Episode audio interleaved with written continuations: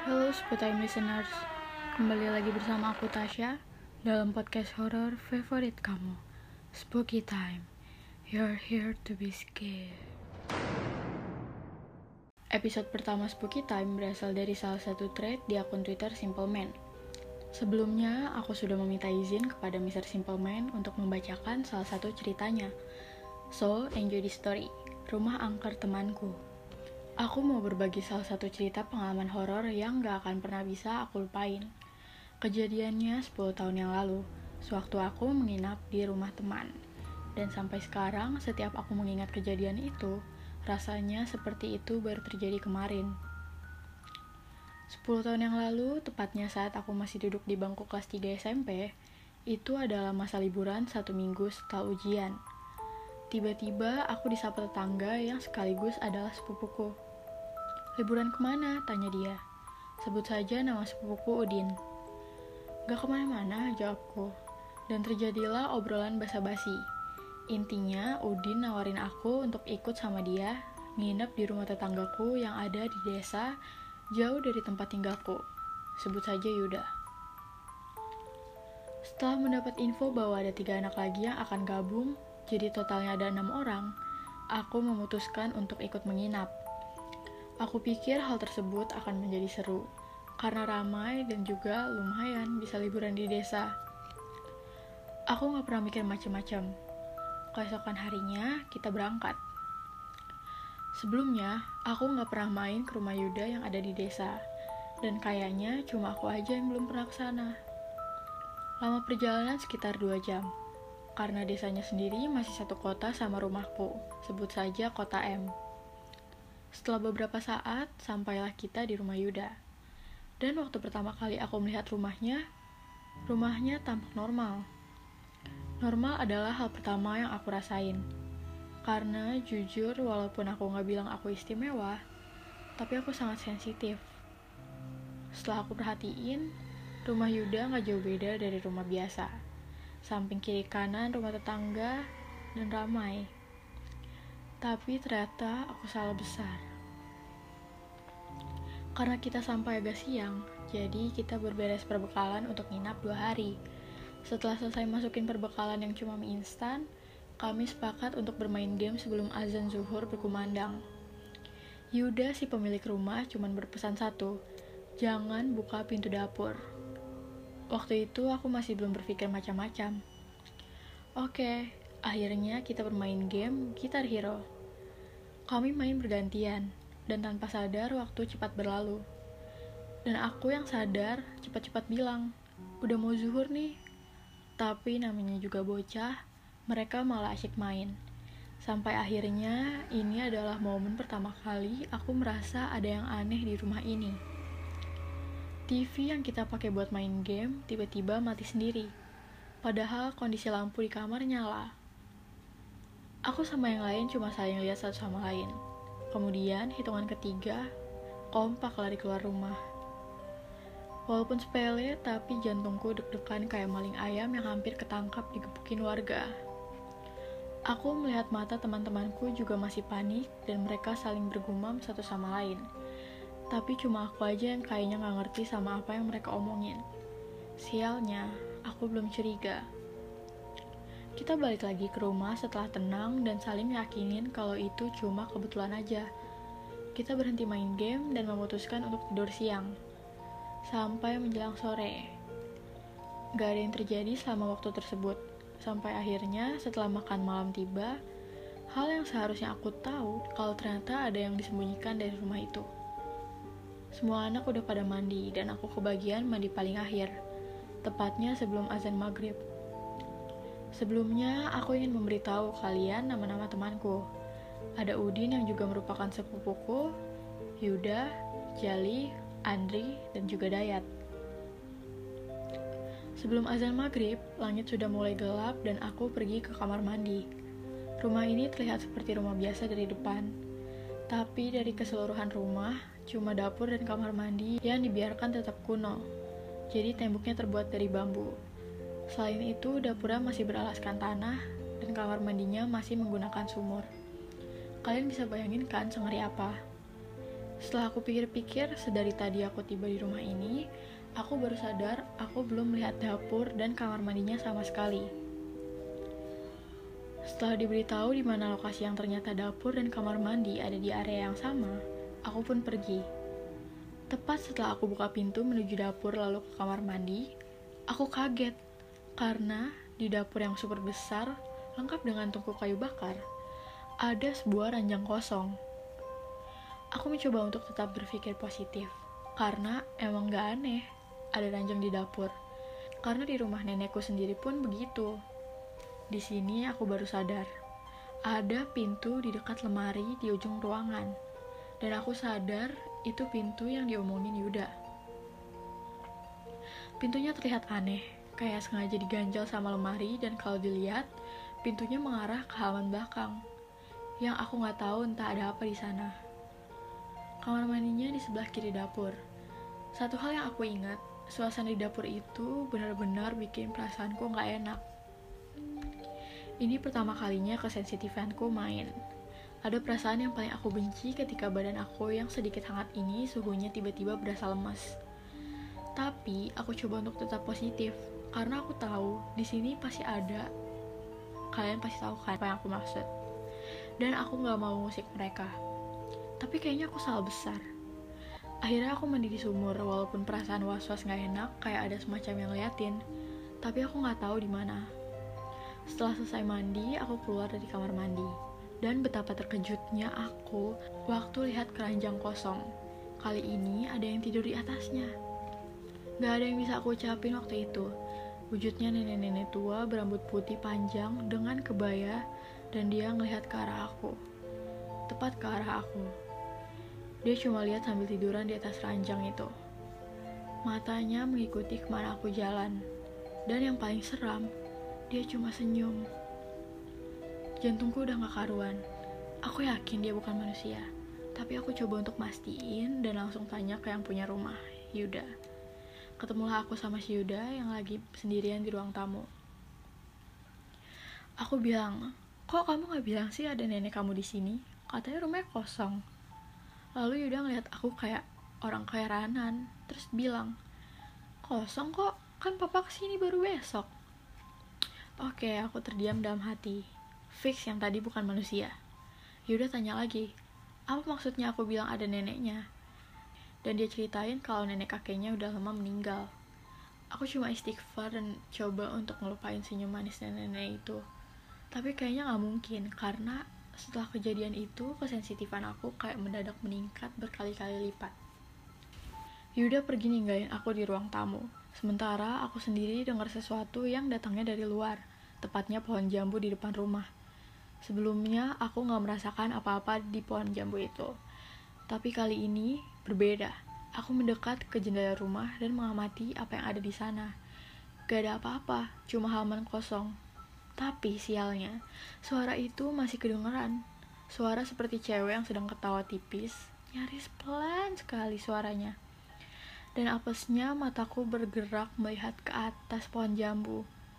Aku cuma diam sepersekian detik sebelum sadar ada Mbak baju putih sedang duduk santai di salah satu dahan pohon jambu dan matanya fokus ke mataku. Dia kayak tahu kalau aku lagi liatin dia dari balik jendela ruang tamu. Aku udah gak bisa ngungkapin lagi seberapa jebol jantung aku berdetak waktu itu. Aku pergi dari sana dan bergabung sama yang lain di ruang tengah. Mereka masih main game. Waktu itu PS2 masih jadi barang mewah dan Yuda kebetulan punya. Jadi mereka gak ada henti-hentinya. Tapi aku gak cerita apa pun. Aku berusaha gak cerita apa pun selain aku gak mau bikin yang lain panik. Aku juga ngerasa gak etis cerita begituan di saat aku datang ke sini sebagai tamu.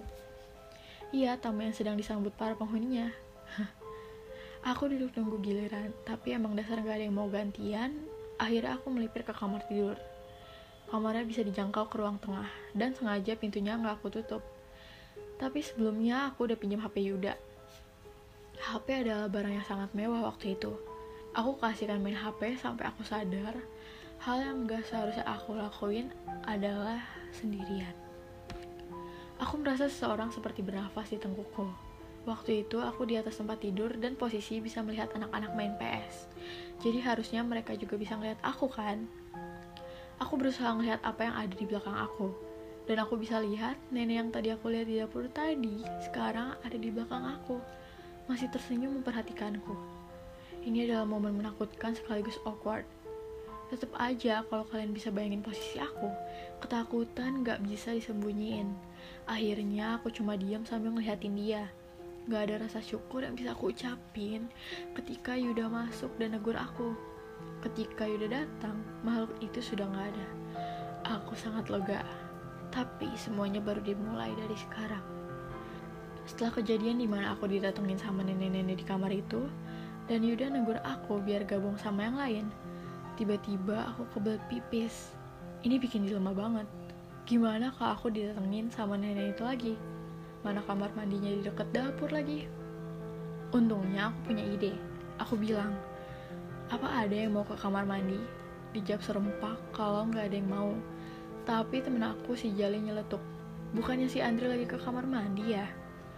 Mendengar hal itu, aku langsung nyusul ke kamar mandi, mumpung ada temennya. Begitu ngelewatin pintu menuju dapur, aku kaget waktu Andri keluar dari sana, lengkap dengan mimik wajah yang pucat pasi. Udah balik, Andri, kata aku sambil nahan dia. Tapi dia cuma diam. Kemudian langsung ninggalin aku begitu aja. Karena kepalang tanggung, Andri juga pergi, aku memutuskan untuk lanjut pipis. Sekali lagi rasanya gak enak banget.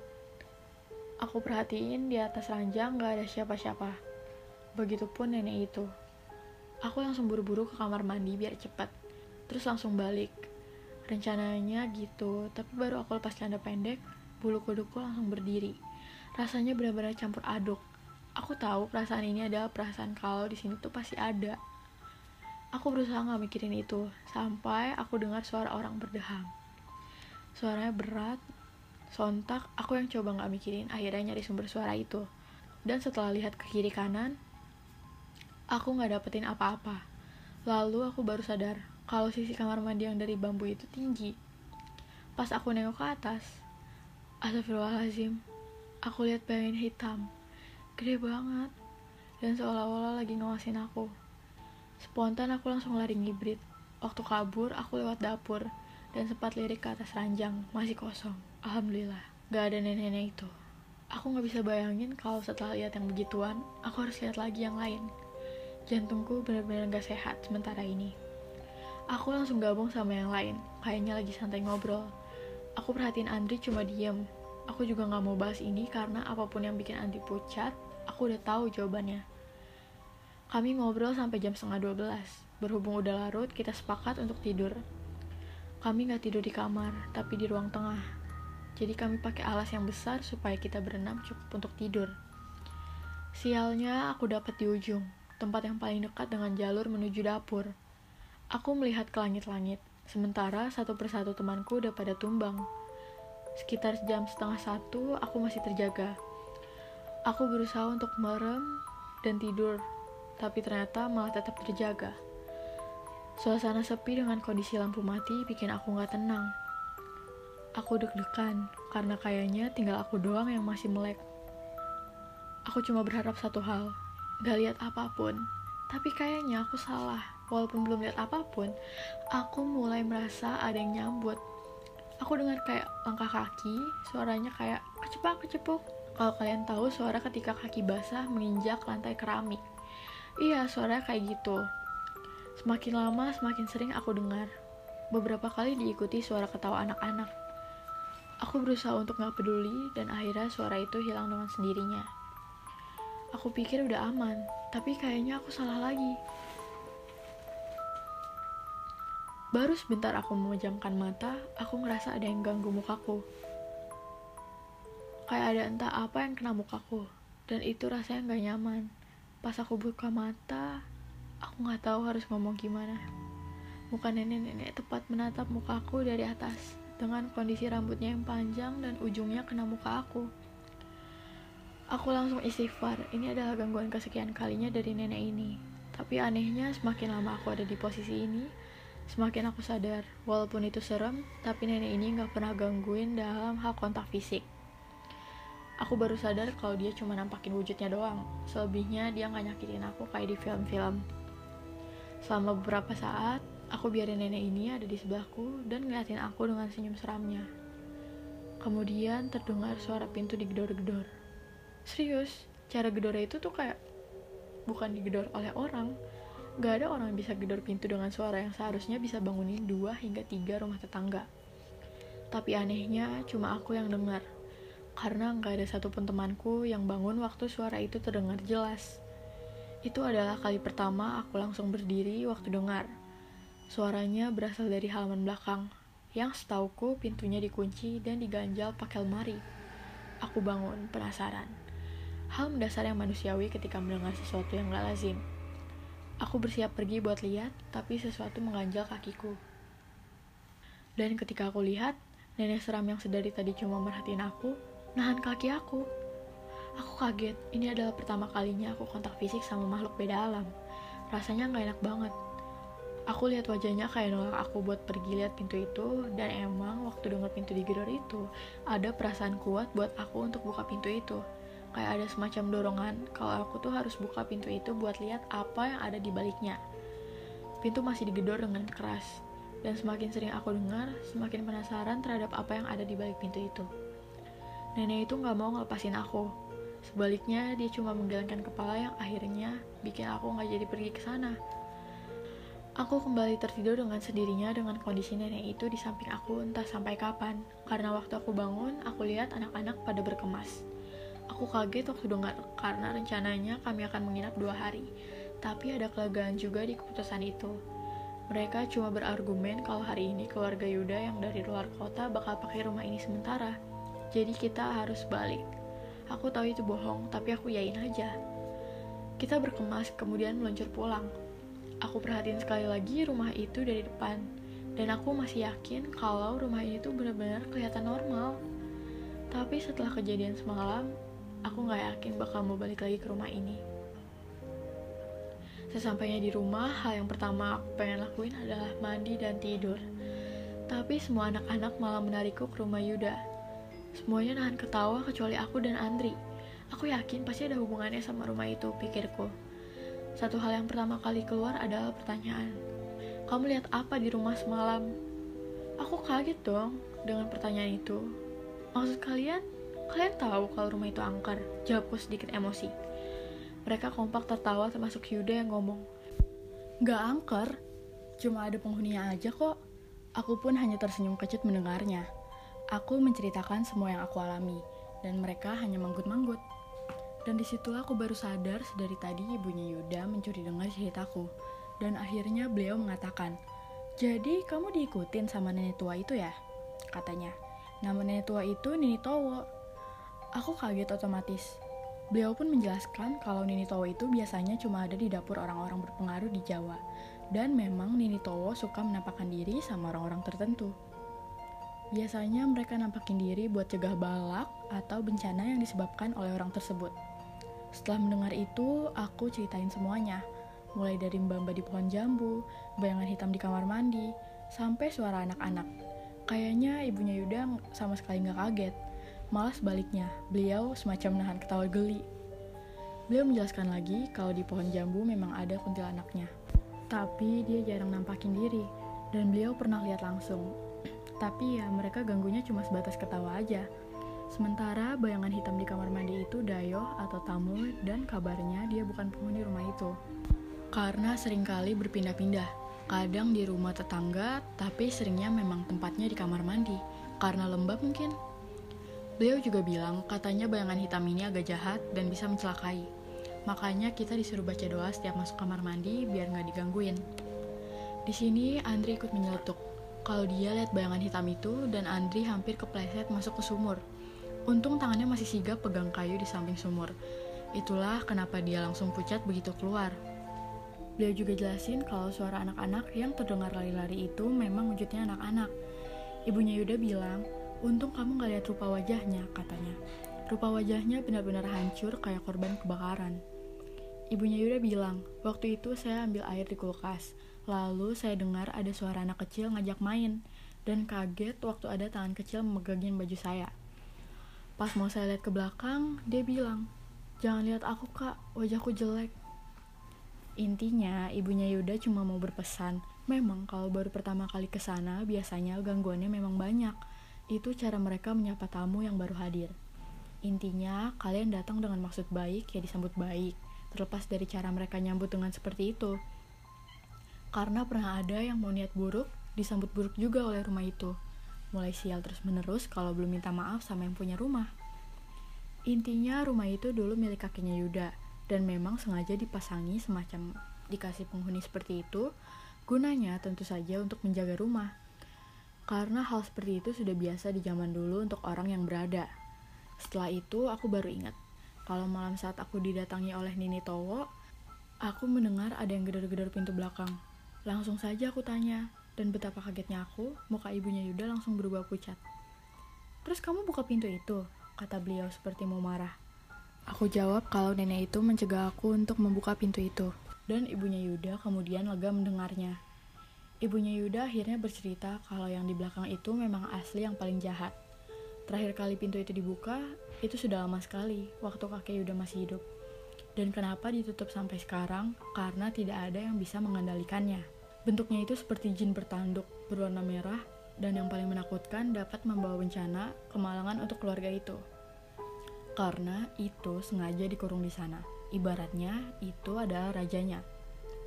Ternyata semua teman-temanku sudah pernah ke sana semua. Dan cuma aku saja yang belum. Makanya mereka pada ketawa. Karena semuanya sudah pernah merasakan apa yang aku rasakan. Hanya saja penghuni yang menyambutnya berbeda-beda. Mungkin ini saja cerita yang bisa aku bagikan kali ini. Semoga kejadian seperti ini semakin menambah iman kita untuk senantiasa mendekatkan diri kepada Tuhan Yang Maha Kuasa dan tidak bersikap syirik dan menyekutukan Tuhan. Hati-hati dengan lingkungan sekitarmu, karena bisa saja mereka sedang menemanimu saat ini.